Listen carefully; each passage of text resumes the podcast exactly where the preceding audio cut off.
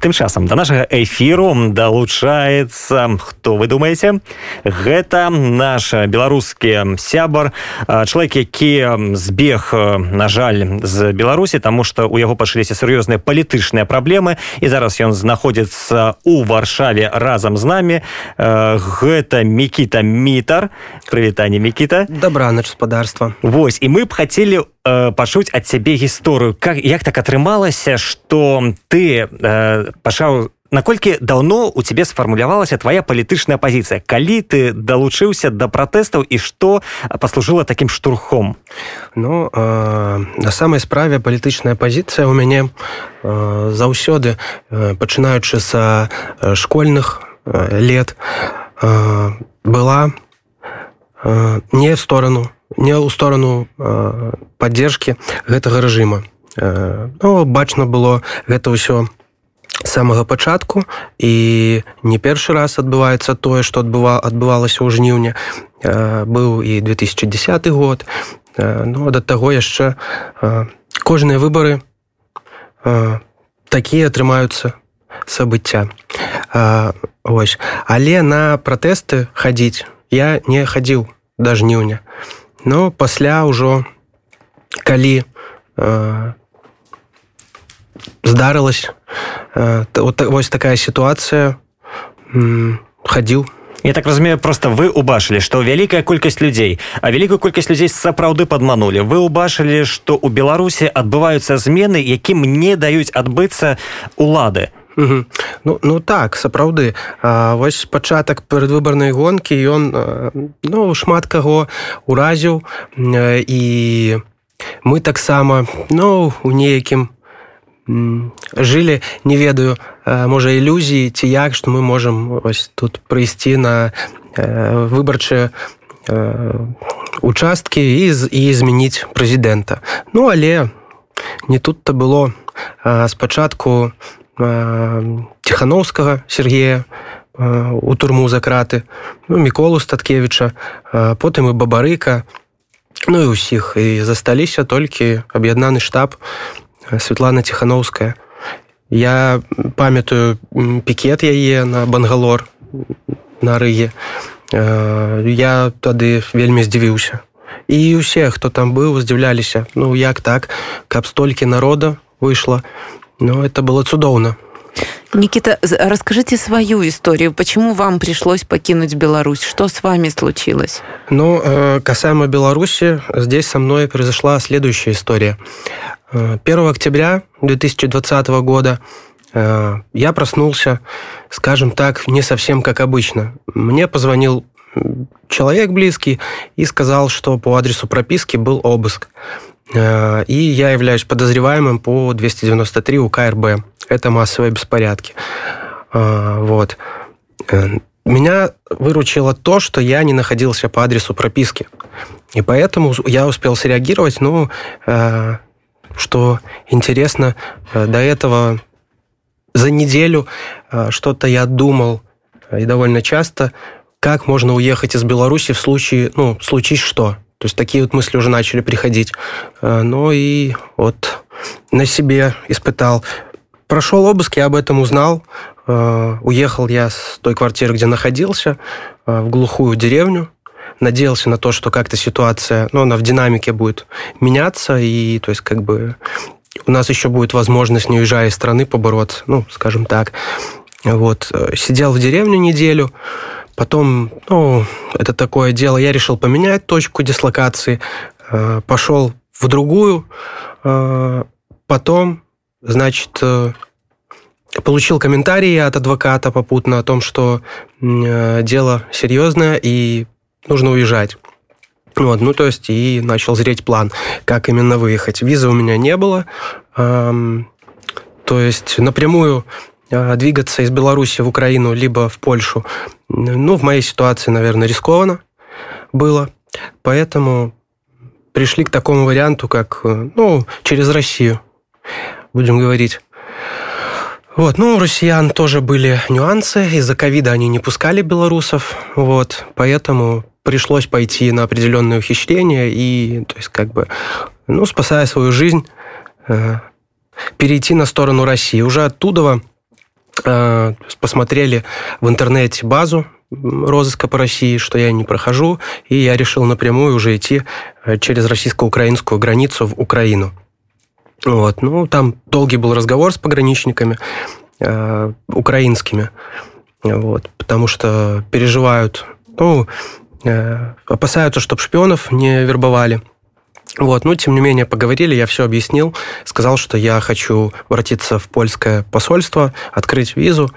Вот, ну, э, пропустили меня, я во Львове находился, э, в Украине. Планировал там и остаться, но э, срок пребывания в Украине для белорусов 90 дней. После этого момента нужно уезжать. То есть как бы можно сделать ВНЖ, можно податься на беженство. Но основание для получения ВНЖ, ну, это сложная история. Вот. Есть нюансы определенные в Украине в плане работодательства, э, в плане работы. Мы все-таки являемся иностранцами э, для них, и работодатель украинский для официального оформления на работу должен обеспечить зарплату э, почти 1800 долларов. Ну, вот, а это основание для легализации. Поэтому, то есть, как бы, опять же, посмотрев на всю эту ситуацию, принял решение ехать в Польшу, чтобы найти работу, э, то есть, как бы, и быть в безопасности и легализоваться. Микита давайте вернемся крыху назад і я хотел бы даведацца таксама э, як на вашу думку чаму менавіта вы потрапілі под крымінальны пераслед ці вы ўваходзілі ў нейкую ініцыятыўную групу ці вы актыўна сябе праяўлялі падчас пратэстаў что адбылося что послужыла вось э, э, крокам уладаў да вас? Ну па-першае э, маю такі інсайт наконт моей справы што гэта э, было даведзена э, з кожнага раёну мінска по 50 э, протаколаў по 50 то есть подазраваных Ну і вось ад, ад гэтага ўжо ўсё і і происходзіць Вось. Ну, то бок я так разумею что вы просто аўтаматычна трапілі ў гэты ну, спіс 50 не таму что вы неяк актыўна себе правілі А вось таму что ну скажем так вам не пашчасціла Ну ведаеце як э, яно канешне не пашчасціла але ну я напэўна калі час э, бы вярнуўся назад э, я не жаль не шкадую а тым что я хадзіў что рабіў. Вось ну э, як что было у мяне якая дзейнасць? Гэта газеты наша ніва народная воля данейт волю развозілі дапамагалі у мінску. Тады яе перасталі браць. Вось у магазины ды кіёскі. Что яшчэ? Лістоўкі агітацыя маршы канешне. Ну вось такая дзейнасць чаты телеграм ну як і ўсіх але гэта абсолютно натуральная дзейнасць там что большасць людзей з таго што ведаю большасць моладзі зараз прынцыпу робіць тое ж самае толькі вам не пашасціла трапіць вось гэта так званы псеўда топ 50 по менску каго на каго вырашылі все ж таки завесці гэтыя крымінальныя справы тады давайте распавядзіце яшчэ калі ласка. Якім чынам сказать што ёсць нейкія тэхнічныя моманты каб падчас пандэміі прайсці мяжу беларусі украі беларусі і рассіі то бок якім чынам вам удалося прайсці гэтую мяжу калі на вас завялі крымінальную справу і вы не маглі наўпрост прайсці праз гэтую мяжу ну э нелегальна прыйшлось это рабіць то бок лясамі так. ці праз лес праз лес так э, дапамаглі салідарныя людзі якія ведаюць гэтыя тропы ды сцежкі і вывелі мяне на расійскую сторону. То бок я так разумею что вы приехали не ведаю магілёўшина гомельшина дзесьці на мяжы ці віце гомельшина так. І вы просто звярнуліся да людзей якія жывуць у вёсках на мяжы і попрасілі вас правесці ну чынам? не зусім. Я шмат да каго звяртаўся адзін з маіх сябраў ён у сваю чаргу связаўся з гэтымі ребятамі як да гэта не ведаў.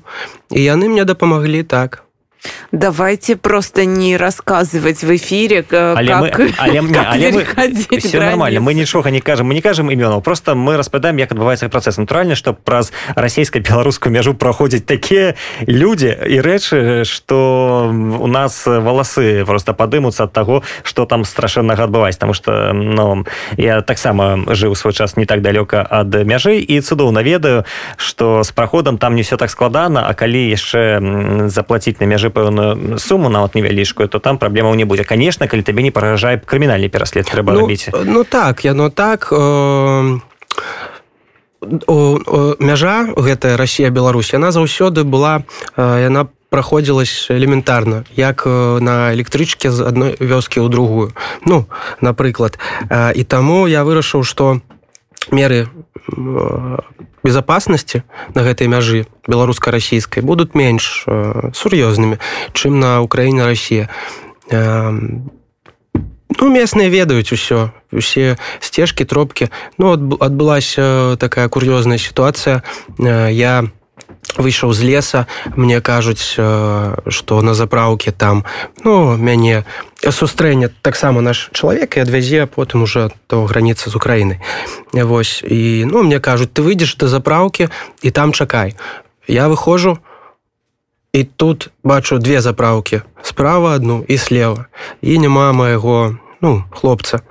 Вось а злева бачу нешта ну едзе сілуэт я так тихонечко а там буханка фсб погранкомитет. Ось у тот момант э, конечно стало э, ну не буду подманывать было дуже страшно. Вось.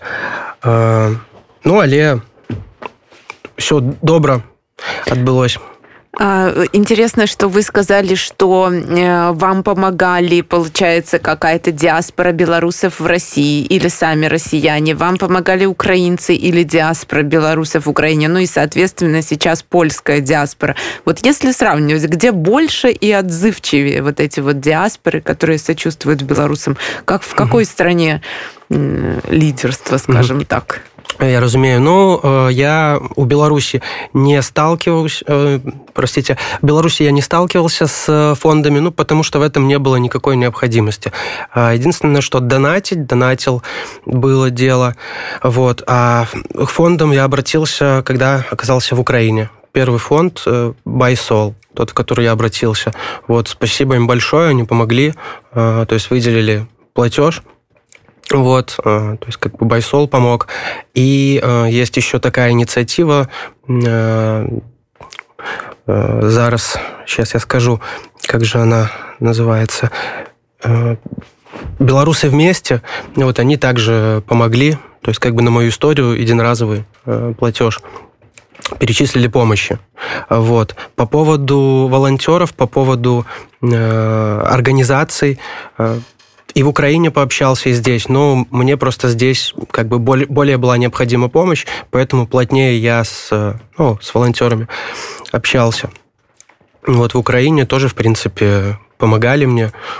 Вот, ну, вообще хочу сказать, что мне, по сути, повезло. Я только в основном хороших людей встречал с самого начала, есть, как бы этой истории.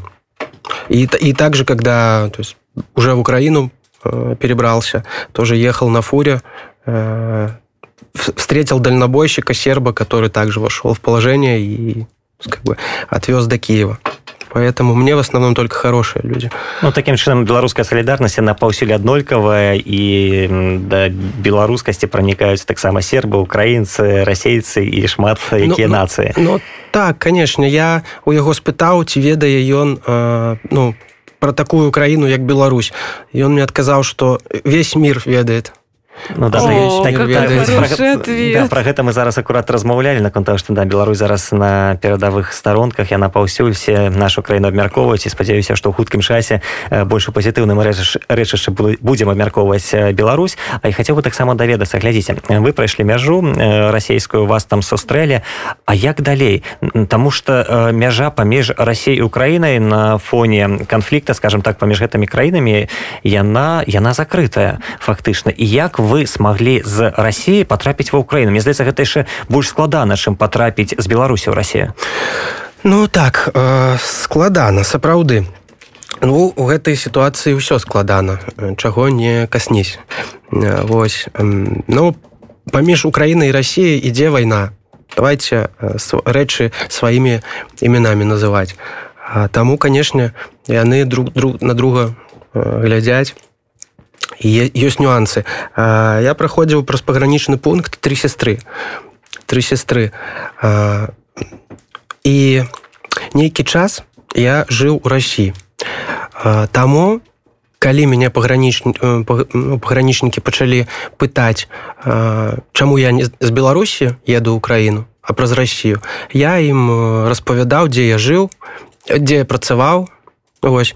Ну гэта мяне уратавала тому что ну яны э, некалькі разоў одно і тое ж пытанне задавалі мяняючы троху э, склад э, слоў. Вось ну але э, я ведаючы улицу як каго завуць у каго я працаваў все гэта распавядаў Вось. Ну і пашанцавала пашанцавала тому что я яшчэ раз паглядзеўшы ў вочы мне сказалі все праходзь але ну, гэта я так разумею что была мяжа відавочна не ў ростовской вобласці не не не это не не не.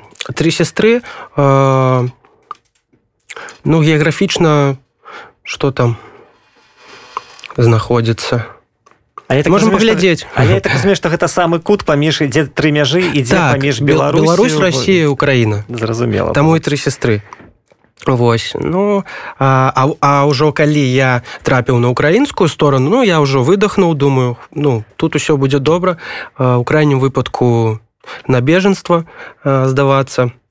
Вось.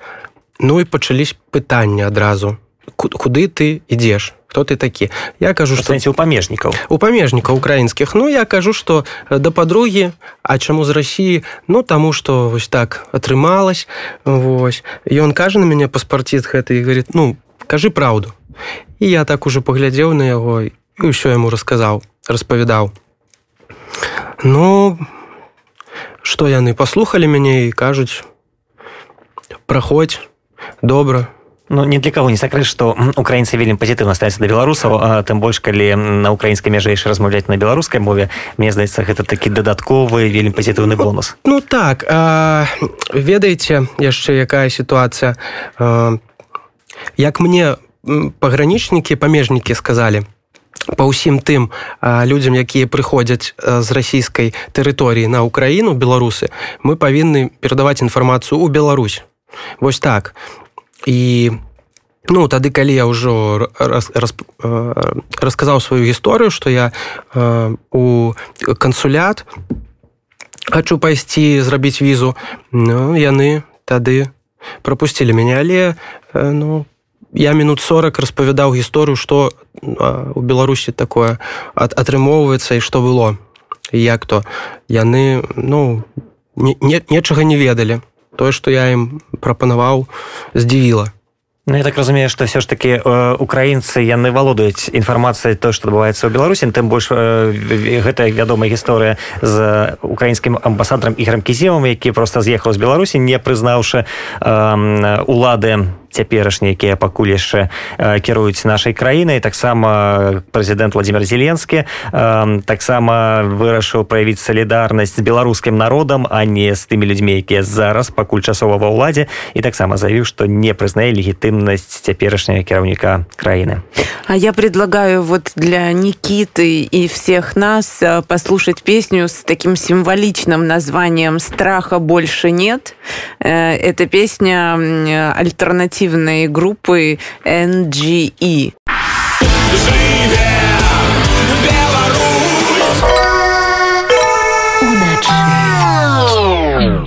Это была инди-группа NGE. Песня называется «2020» или «Страха больше нет», как поется в припеве э, музыкантами. Тем временем возвращаемся к, в нашу студию к гостю Никите Митеру, который э, был вынужден уехать э, э, с территории Беларуси, прошел через э, просто три страны, Россию, Украину и, наконец, оказался в Польше. Э, Никита у нас в эфире. Скажи, пожалуйста, какие у тебя планы на будущее? То есть, собственно, что ты хочешь делать в Польше?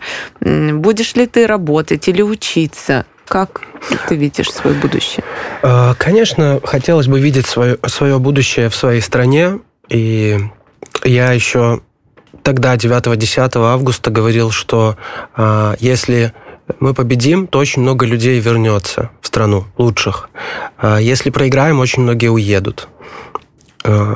Поэтому мне бы хотелось, чтобы случилось так, что все лучшие люди вернулись в Беларусь. И это стало возможно.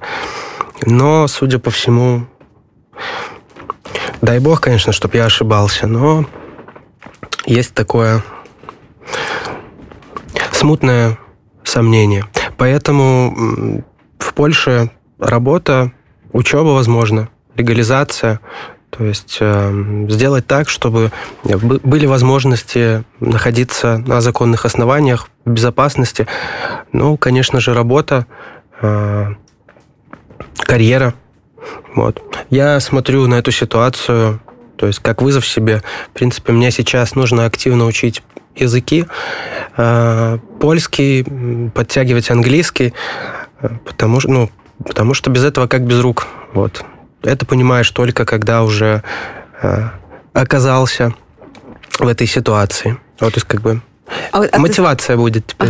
А, а ты ставишь себе какие-то дедлайны? Вот я знаю, что большинство белорусов живет, вот мы ставили Новый год, угу. он уйдет, он скажет речь, там, да, дальше вот там угу. весна, очень много надежд на весну, что вот это все синие пальцы наконец-то угу. отмерзнут и отвалятся по, по весне.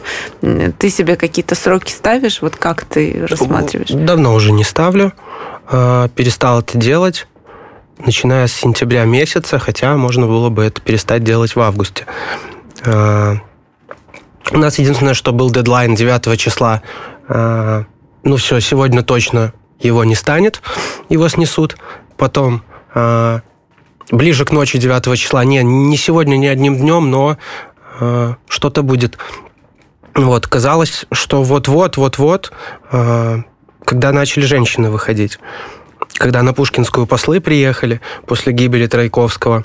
Вот, то есть было такое время, когда м- людей не трогали, они могли вот, ну, самовыражаться. Та же Пушкинская, она вся была обклеена э, по постерами, э, все было исписано, расписано. То есть как бы это была территория свободы. Вот. И в тот момент казалось, что да, вот чуть-чуть осталось, чуть-чуть, чуть-чуть. Потом еще один дедлайн, потом еще один, ну и э, понимая, что, наверное, не стоит. Ну, предпосылки, скажем так. Предпосылок есть, не вижу. То есть власть, по сути, добилась э, своей цели запугать именно, да? Нет. Что, э... а, почему же? Наоборот, как раз-таки запугать не вышло. Хотя очень хотелось изначально. Так запугать такой провести блицкрик, чтобы уже никому не захотелось даже и подумать о том, чтобы выразить свое «нет». Вот, как раз-таки не получилось э, испугать, но м, правда в том, что э, такие люди сами не уходят. Такие режимы сами собой не не знішаюцца я так разумею я так разумею что у беларускім грамадстве зараз пануе все ж таки не страх а такая дэматывацыя калі э, быў момант э, нейкай узнёсласці калі ўсе верылі что вось вось вось гэта все хутка скончыцца а пасля э, пратэст э, перарос у такую э, скажем так э, трывалую адзінку. Гэта не нешта кропкавае э, да чагосьці мы дайшлі перамаглі і пайшлі далей. А зараз пратэст гэта гэта кожны дзень пратэсту. Гэта вельмі складана. Гэта панядзелак выходзяць пенсіянеры там аўторак як лекары серада студэнты чацвер э, там людзі з інваліднасцю гэтак далей. Думаю, мы до гэтага не рыхтаваліся мы гэтага не разумелі что так можа быть і я так разумею что гэта вельмі складана маральна і псіхалагічна э, пратрываць у такім доўгім э, доўгім працэсе пратэсту так? Конечно э, конечно это ўсё выматвае. А першыя дні я памятаю першай нядзелі гэта тэлеграм зранку і да ночы і некалькі часоў паспаць ды на працу. На працы зноў тэлеграм ну таму што лавінаобразна адбываліся события вот. Конечно уже падустаеш ад гэтага ўсяго ад навін ад ну ад, ад усяго гэтага. Устаеш Я так ну, разумею, але... гэта просто перанасычанасць інфармацыі. Таксама як гэта было ў шматлікіх антыутопіях калі было дзве версіі развіцця падзею калі адныя людзі казалі што э, ад, ад адных людзей укрывалі інфармацыю і тады яны імкнуліся здабыць а для іншых наадварот яе было зашмат і таму людзі просто ў пэўны момант пераставалі яе ўспрымаць. Так разумею беларусі адбыўся другі варыянт развіцця падзею ну на мой, на мой погляд не.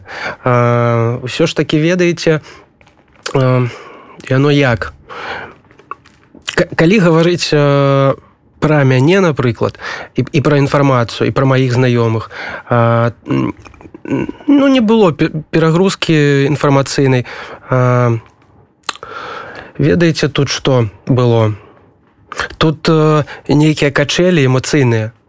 Э, вось гэта больш за ўсё выматвала гэтыя качэлі.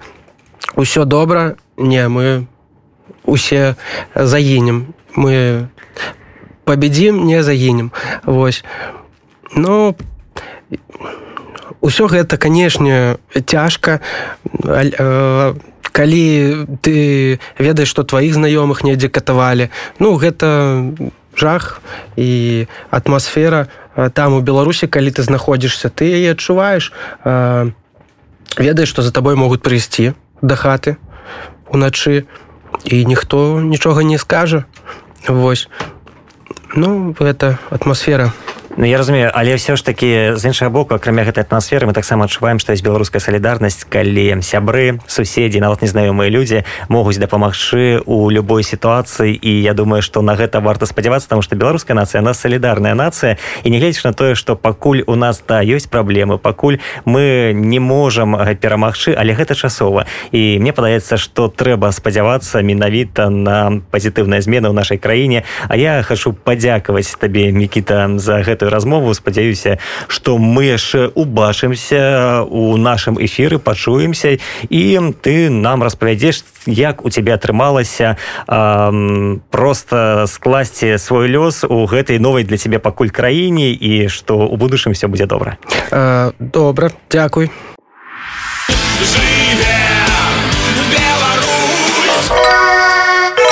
Уначы.